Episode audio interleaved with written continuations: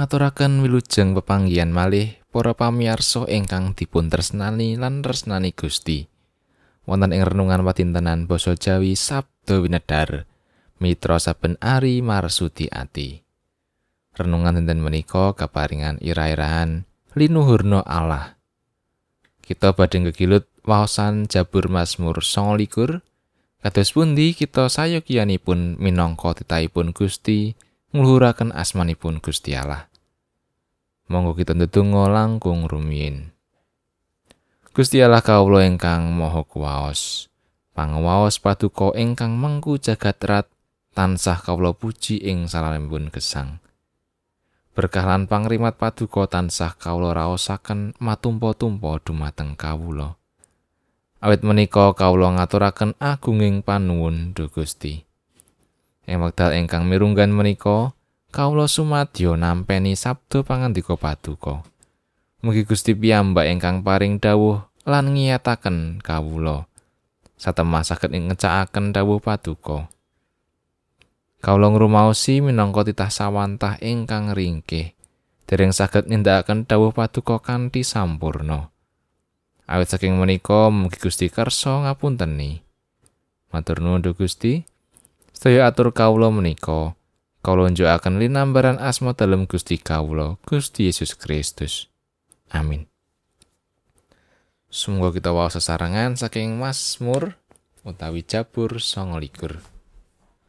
Jabur Mazmur bab 29 kita waos sesarengan.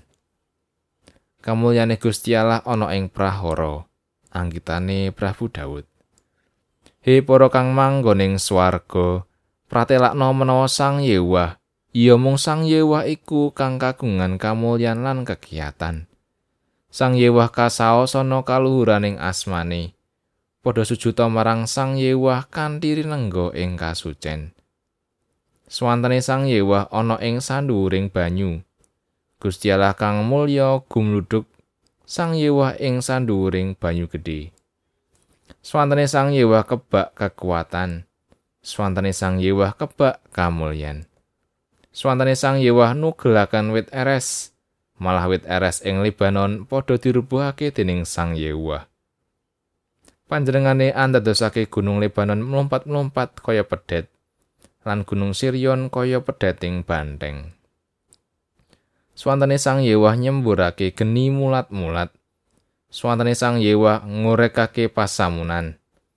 Sang Yewah ngorekaken ora-ora samun kadesi. Swantene Sang Yewah njalari menjangan meteng padha manak. Malah njalari alas-alas padha gundul. Sarta kang ana ing padalemane padha nguwuh linuhurna. Sang Yewah lenggah ing sanduwuring banjir. Sang Yewah jumeneng raja ing salawas-lawase. Sang Yewah muga kersa paring kekuatan marang umate. Sang Yewah muga kersa berkahi umate kelawan tentrem rahayu. Makatan pangandikanipun Gusti ayatna saking ayat kalih. Sang Yewah kasaosana kalhuraning asmane.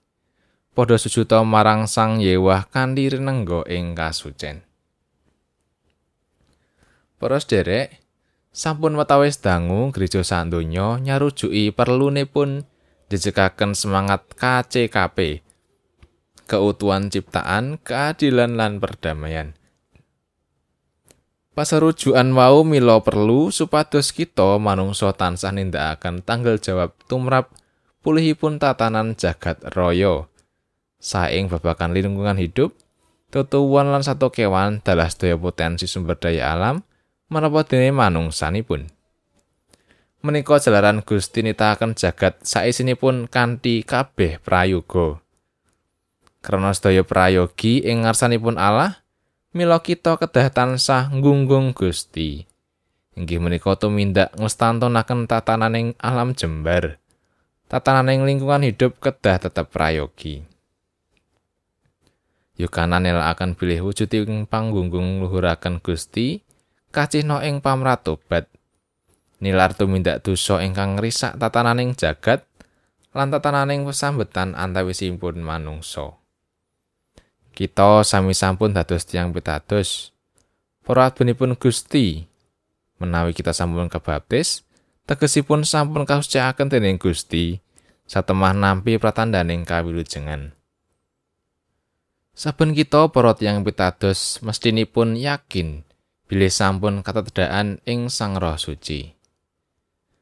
Tanggal jawabipun tiang pitados inggih tiang ingkang sampun sinucakaken dening Sang Roh Suci, temtunipun sami tansah ngluhuraken Allah kanthi patrap ngenggalaken manah. Rumaos manunggil ing patunggilanipun kagunganipun Gusti, sami-sami tanggal jawab tumrap restanipun alam jembar titahipun Allah, mboten ngrisak alam. Upaminipun boten purun malih ngrisak tetaneman, hutan, gunduli pagunungan. Tansah jagi irining kali supados lancar margi boten kebak runtah. Runtah dipun pilah-pilah dipun olah katusaken rabuk lan sapiturutipun. Makatan ugi bab ngurmati sesami murih lumampahing kaleresan lan keadilan menika ugi wujud ngluhuraken Allah. Mugi Gusti nyagetaken kita tumindak kados mekaten. Amin.